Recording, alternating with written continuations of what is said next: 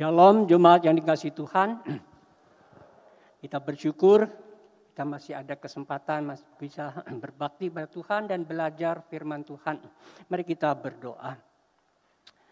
Tuhan Bapa kami dalam surga, kasih karuniamu begitu nyata dan limpah dalam kehidupan kami. Walaupun dalam kehidupan banyak sekali tantangan, banyak sekali penderitaan, kesulitan, dan macam-macam yang kami hadapi.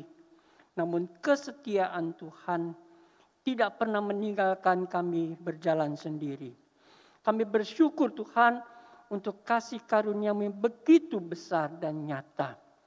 Hari ini dengan hati yang bersyukur dan sukacita kami datang berbakti pada Engkau. Karena Engkau layak kami puji, kami tinggikan dan kami muliakan. Dan sebentar kami akan belajar firman Tuhan, karena hanya firman-Mu sajalah yang menjadi pedoman hidup kami, menjadi petunjuk pembimbing kehidupan kami. Tolonglah kami Tuhan, biarlah roh kudus memberikan penerangan, sehingga kami boleh mengerti firman Tuhan, dan beri kami kemampuan untuk melaksanakan. Sehingga kami benar-benar boleh menjadi pengikut Tuhan yang setia. Dalam nama Tuhan Yesus kami berdoa. Amin. Saya mengajak saudara membuka Alkitab dari Injil Lukas pasal yang ke-14. Kita akan membaca ayat 25 sampai 35. Injil Lukas pasal 14 ayat 25 sampai 35. Setelah mendapatkan, saya akan membacakan untuk saudara-saudara sekalian. Injil Lukas pasal 14 ayat 25 sampai 35. Segala sesuatu harus dilepaskan untuk mengikut Yesus. Pada suatu kali banyak orang berduyun-duyun mengikuti Yesus dalam perjalanannya. Sambil berpaling, ia berkata kepada mereka, "Jikalau seorang datang kepadaku dan ia tidak membenci bapaknya, ibunya, istrinya, anak-anaknya, saudara-saudaranya laki-laki atau perempuan, bahkan nyawanya sendiri. Ia tidak dapat menjadi muridku. Barang siapa tidak memikul salibnya dan mengikut aku, ia tidak dapat menjadi muridku. Sebab siapakah di antara kamu yang kalau mau mendirikan sebuah menara tidak duduk dahulu membuat anggaran biayanya. Kalau-kalau cukup uangnya, untuk menyelesaikan pekerjaan itu. Supaya jikalau ia sudah meletakkan dasarnya dan tidak dapat menyelesaikannya, jangan-jangan semua orang yang melihatnya mengejek dia. Sambil berkata, orang itu mulai mendirikan, tapi ia tidak sanggup menyelesaikannya.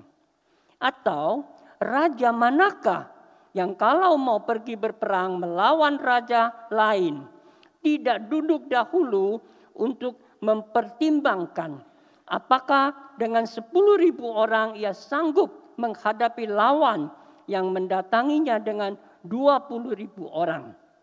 Jikalau tidak, ia akan mengirim utusan selama musuh itu masih jauh untuk menanyakan syarat-syarat perdamaian. Demikian pula lah tiap-tiap orang di antara kamu yang tidak melepaskan dirinya dari segala miliknya tidak dapat menjadi muridku. Garam memang baik, tetapi jika garam juga menjadi tawar, dengan apakah ia diasinkan? Tidak ada lagi gunanya, baik untuk ladang maupun untuk pupuk, dan orang membuangnya saja. Siapa mempunyai telinga untuk mendengar, hendaklah ia mendengar. Demikianlah pembacaan firman Tuhan. Tema yang diberikan pada saya hari ini cukup keras ya. Menjadi murid yang radikal. Waduh, istilah radikal ini belakangan ya di dalam negara kita itu kok rasanya bau-bau negatif ya. Ataupun ada istilah militan. Kita diminta menjadi seorang murid pengikut Yesus yang radikal atau yang militan. Saya kok cenderung lebih baik dikatakan kita menjadi murid Tuhan yang setia atau berkomitmen ya. Jadi pemikiran itu agak positif ya, lebih mengarah ke positif. Kalau radikal atau militan itu kok rasanya ngefek-ngefeknya ke hal-hal yang negatif. Tapi begitulah kita bisa memikirkan secara positif dan negatif dengan sikap yang bagaimana kita menjadi pengikut Tuhan. Nah, dalam pembacaan kita tadi saya membagikan menjadi tiga bagian. Ya, tiga bagian. Yang pertama yaitu di ayat 25 sampai 27 dan ayat 33. Mari kita membahasnya satu persatu. Itu dimulai dengan kata-kata pada suatu kali banyak orang berduyun-duyun mengikuti Yesus dalam perjalanannya. Kalimat ini membawa kita ke satu latar belakang, satu situasi di mana Tuhan Yesus dia sudah melakukan banyak mujizat, pengajaran, mengusir setan, menyembuhkan orang sakit. Sehingga banyak orang berduyun-duyun mengikuti dia. Ingin menjadikan Yesus sebagai raja mereka. Kenapa bisa demikian? Karena situasi zaman itu orang Yahudi di dalam kekuasaan Romawi, penjajahan kuasa pemerintah Romawi, mereka sangat menderita. Kehidupan mereka tertekan. Mereka harus membayar upeti yang begitu berat kepada pemerintah Romawi. Mereka dihina, dianiaya, nah, kemudian diganggu oleh pasukan-pasukan atau prajurit-prajurit orang Romawi. Sehingga kehidupan mereka itu penuh penderitaan. Nah sekarang Yesus muncul di antara mereka. Wah, dengan lima roti, dua ikan, Yesus mengenyangkan lima ribu orang. Dengan tujuh roti, beberapa ikan mengenyangkan empat ribu orang. Waduh, luar biasa. Ya, sehingga orang-orang ini mengharapkan kalau ada seorang pemimpin seperti ini, alangkah baiknya. Ya, mereka tidak akan kekurangan apa-apa. Seperti halnya hari ini, kita diperhadapkan ke satu situasi mempersiapkan diri menghadapi pemilu 2024. Masih dua tahun, ya. Tapi situasi sudah wah mulai hangat, ya. Kalau kita lihat di mass media segala macam itu mulai bermunculan tokoh-tokoh yang akan dicalonkan. Ya. Saudara, jika saudara memilih seorang pemimpin, saudara memilih pemimpin yang bagaimana? Pasti banyak orang punya bayangan masing-masing, banyak harapan. Ya, tentunya kalau bisa mensejahterakan kehidupan rakyat itu yang paling penting. Nah sama halnya waktu itu orang-orang mengikuti Yesus juga mempunyai harapan demikian. Ya, kalau lapar ada makan. Kalau ada sakit disembuhkan. Kerasukan setan diusir.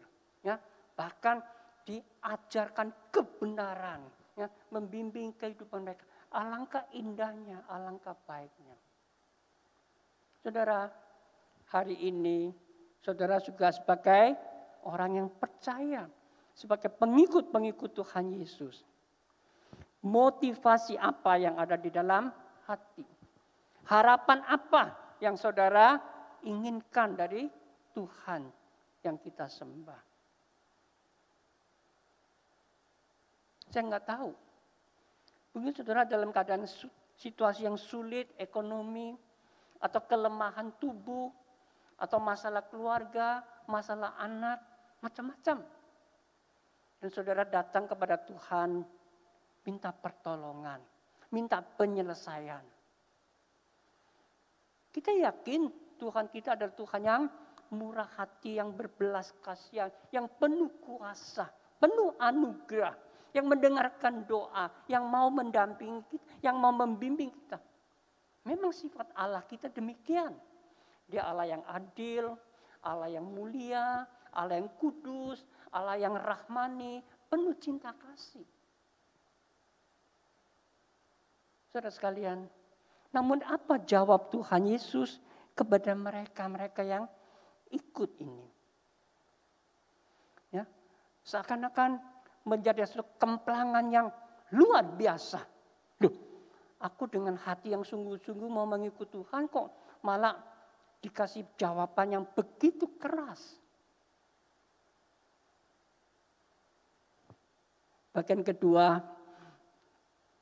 di sini dikatakan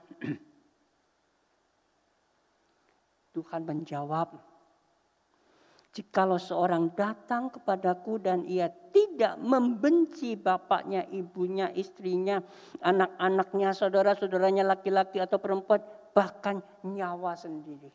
Loh, kok begitu? Bukankah Alkitab mengajarkan kita harus hormat pada orang tua, harus mengasihi saudara-saudara dan lain sebagainya? Kenapa di sini kok dikatakan harus membenci? Saudara, memang di dalam terjemahan ini ada sedikit bukannya kekeliruannya, tapi di dalam penggunaan istilah itu. Istilah membenci di sini pada dasarnya itu mempunyai pengertian harus menomorduakan. Dengan kata lain, apa pun yang ada di dalam dunia ini, apa pun yang menjadi milikmu, tidak boleh ditaruh di posisi yang melampaui Tuhan. Tuhan perlu diutamakan.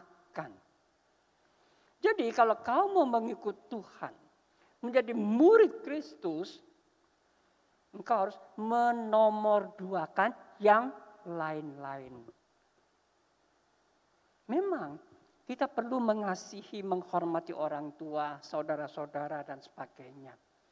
Tapi tidak boleh oleh karena kita mengasihi orang tua, saudara kita, kemudian kita meremehkan Tuhan atau menomorduakan Tuhan.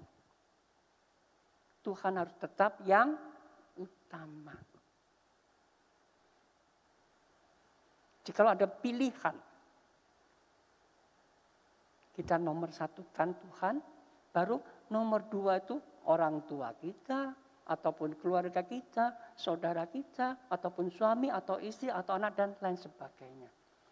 Nah di sini kita diajarkan untuk memprioritaskan. Bagaimana menata kembali urutan-urutan di dalam kehidupan kita. Kenapa demikian?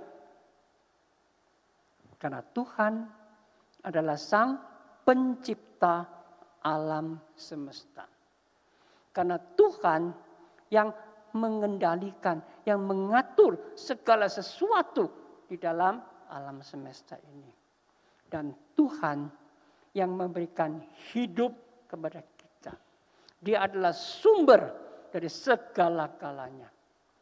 Khususnya tatkala kita menjadi orang yang sudah berdosa dan diselamatkan oleh karya penebusan Yesus Kristus di atas kayu salib. Dengan alasan beberapa ini, maka kita harus menomorsatukan dia. Nah inilah kemudian juga harus mengoreksi motivasi kita untuk mengikut Tuhan. Bukan sekedar kita percaya dia, kita diselamatkan, ada jaminan naik surga nanti menjadi pewaris kerajaan Allah. Tapi bahkan dalam kehidupan sekarang ini yang masih di dalam dunia. Kita harus menjalankan perintahnya kehendaknya. Apa yang dia pimpin, kita taati sepenuhnya. Nah ini perlu kita pikirkan kembali. Perlu kita pertimbangkan.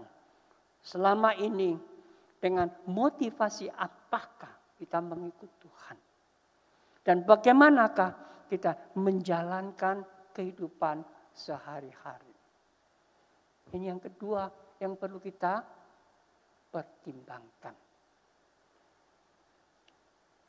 Langkah praktisnya, Tuhan memberikan dua contoh. Satu, kalau kita rencana mau membangun satu proyek, entah itu rumah, entah itu menara, entah itu apa, ada satu proyek yang akan kita kerjakan. Bukankah kita harus memperhitungkan biaya yang dibutuhkan? Jangan sampai di tengah jalan tak bisa menyelesaikan. Itu sangkut satu hal yang memalukan. Contoh yang kedua, ibarat seorang raja yang mau berperang dengan musuh. Dia perlu mempertimbangkan kemampuannya yang menjamin kemenangan.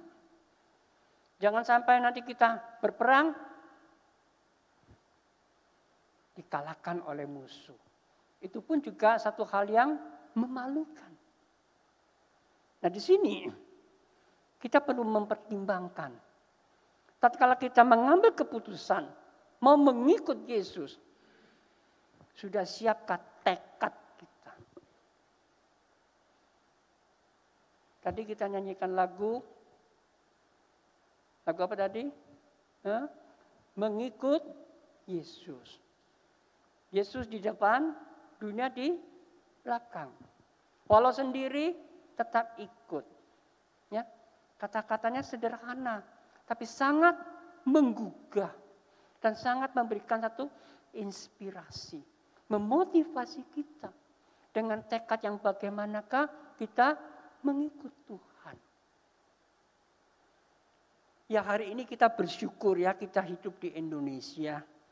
Di satu negara yang sangat menghargai bermacam-macam nah, keragaman kepercayaan. Ada toleransi yang boleh dikatakan cukup baik. Kita seakan-akan tidak merasakan ada tekanan-tekanan yang berarti. Ya, sehingga kita boleh beribadah, boleh menjalankan kegiatan-kegiatan ke, apa keagamaan dengan ya luasa. Coba bayangkan kalau suatu hari kita ada di dalam keadaan yang sulit, situasinya tidak memungkinkan, apakah kita masih tetap bisa mengakui Tuhan sebagai juru selamat kita? Kita masih bisa melayani Dia dengan setia. Ataupun kalau kita mengalami kesulitan, penderitaan, dan banyak hal lagi tantangan-tantangan yang mungkin bisa mengecewakan kita menjadikan kita putus asa. Apakah kita masih tetap bisa dengan setia mengikut Tuhan? Saudara, tatkala Tuhan Yesus menjawab eh, kepada mereka-mereka yang begitu banyak mengikut Tuhan. Akhirnya apa semua orang itu tetap ikut? Tidak. Berapa kali Tuhan Yesus menegur mereka. Kamu mengikut aku karena kamu dapat makan. Dan Yesus mengatakan, janganlah kamu berupaya untuk makanan yang bisa fana ini. Tapi kejarlah, carilah makanan surgawi yang memberi kamu kekekalan. Dan akulah makanan hidup yang kekal itu. Wah, orang-orang pikir sulit, maka banyak orang meninggalkan dia. Satu kali juga dalam pembicaraan dengan kedua belas muridnya. Yesus juga pernah bertanya. Lihat tuh orang-orang banyak meninggalkan aku. Apakah kamu juga meninggalkan aku? Bagaimana Petrus menjawab?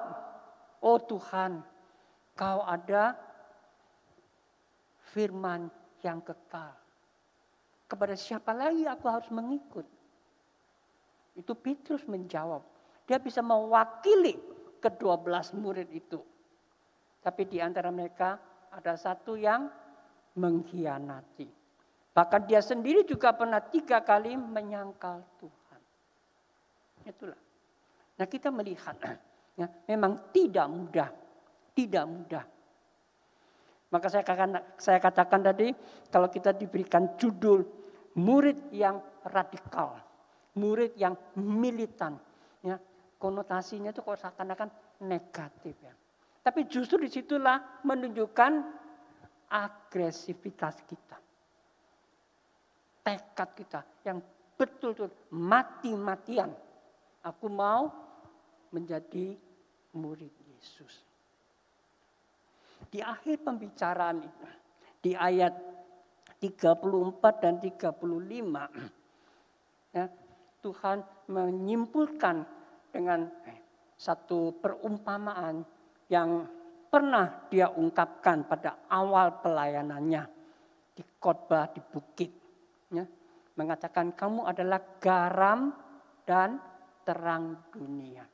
Nah di sini sekali lagi Tuhan mengungkit kembali. Kamu adalah garam dunia. Artinya dalam kehidupanmu sehari-hari kamu juga harus menyatakan fungsimu sebagai garam. Memberikan rasa asin. Ya, dan garam itu juga bisa menjadi bahan pengawet. Ya, garam itu juga bisa dipakai sebagai bahan mencuci, apa membersihkan. Ya. Nah, Tuhan sekali lagi mengingatkan kalau kamu mau menjadi pengikutku, kehidupanmu harus menjadi garam. Dengan kata lain, melalui kehidupan sehari-harimu itulah secara nyata tunjukkanlah kamu adalah pengikut-pengikutku yang setia. Yaitu orang-orang yang mau menjalankan perintah yang mau menghidupi pengajaranku. Jadi, sebagai pengikut Tuhan bukan sekedar slogan, bukan sekedar satu ya perkataan yang kita ucapkan begitu saja. Tidak. Tapi harus ada realisasinya dalam kehidupan sehari-hari. Tekadmu orang lain tidak tahu. Orang lain nggak bisa lihat isi hatimu. Tapi melalui pernyataanmu, bagaimana kamu mengikut Tuhan, bagaimana kamu melayani, bagaimana kamu mengasihi, bagaimana kamu menyatakan atau menjalankan ajaran-ajaran Tuhan. Orang lain baru tahu, baru bisa merasakan keberadaanmu itu bagaimana. Saya selalu mengingat, mengingatkan jemaat ya selalu mengingat jemaat pasang telinga. Ya. Untuk apa? Untuk mendengarkan bagaimana orang lain di sekitar itu menilai dirimu. Nah sering kali kita terlalu banyak bicara membicarakan orang lain, tapi kita jarang atau kurang mau mendengar bagaimana penilaian orang terhadap dirimu sendiri. Ya kita belajar, kita belajar. Ya. Bukannya kita mencari pujian dari orang lain, bukan. Tapi melalui komentar-komentar orang yang dekat di sekitarmu, kamu juga bisa menjadikan itu satu cermin. Ya, jadi satu cermin. Nah, untuk melihat selama ini bagaimana aku hidup. Apakah aku berdampak positif kepada orang-orang di sekitarku. Apakah aku sudah menjadi garam? Ya, memberikan rasa asin, mempengaruhi mereka dalam hal-hal yang positif.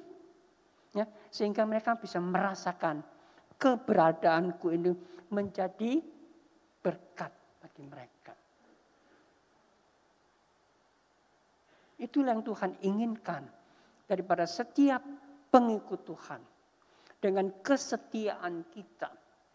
Ya, dengan tekad kita sepenuhnya mengikut Tuhan, belajar firman Tuhan, dan menghidupi firman Tuhan. Nah dengan demikian, maka selama ada di dalam dunia, kita tidak sia-sia melewatkan waktu kita. Kita pun juga bisa menggunakan semua kesempatan dan anugerah yang Tuhan percayakan kepada kita. Bila kita sekali lagi bertekad di hadapan Tuhan melalui renungan pagi hari ini, ya kita memperbaharui lagi ya, semangat kita menjadi murid Tuhan, menjadi pengikut Tuhan, dan kita belajar betul-betul mengutamakan Tuhan. Dialah nomor satu. Tidak boleh ada hal-hal yang lain yang menggantikan posisinya di dalam hati kita. Mari kita berdoa.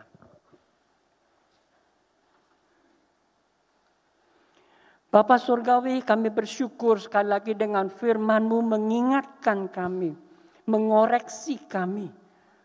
Supaya kami tahu dengan sikap, dengan motivasi yang bagaimana menjadi murid-Mu yang setia. Tolonglah kami Tuhan, ampuni kami jikalau waktu-waktu yang lalu kami tidak benar. Biarlah firman-Mu pagi hari ini sekali lagi membentuk kami, arahkan kami. Kami mau menjadi pengikut Tuhan yang setia, yang berkomitmen sesuai dengan keinginan Tuhan. Jadikanlah kami murid Tuhan yang berkenan di hati Tuhan dan menjadi alat yang Tuhan pakai sehingga kami boleh menjadi saluran berkat bagi orang-orang di sekitar kami. Dalam nama Tuhan Yesus kami berserah dan berdoa. Amin.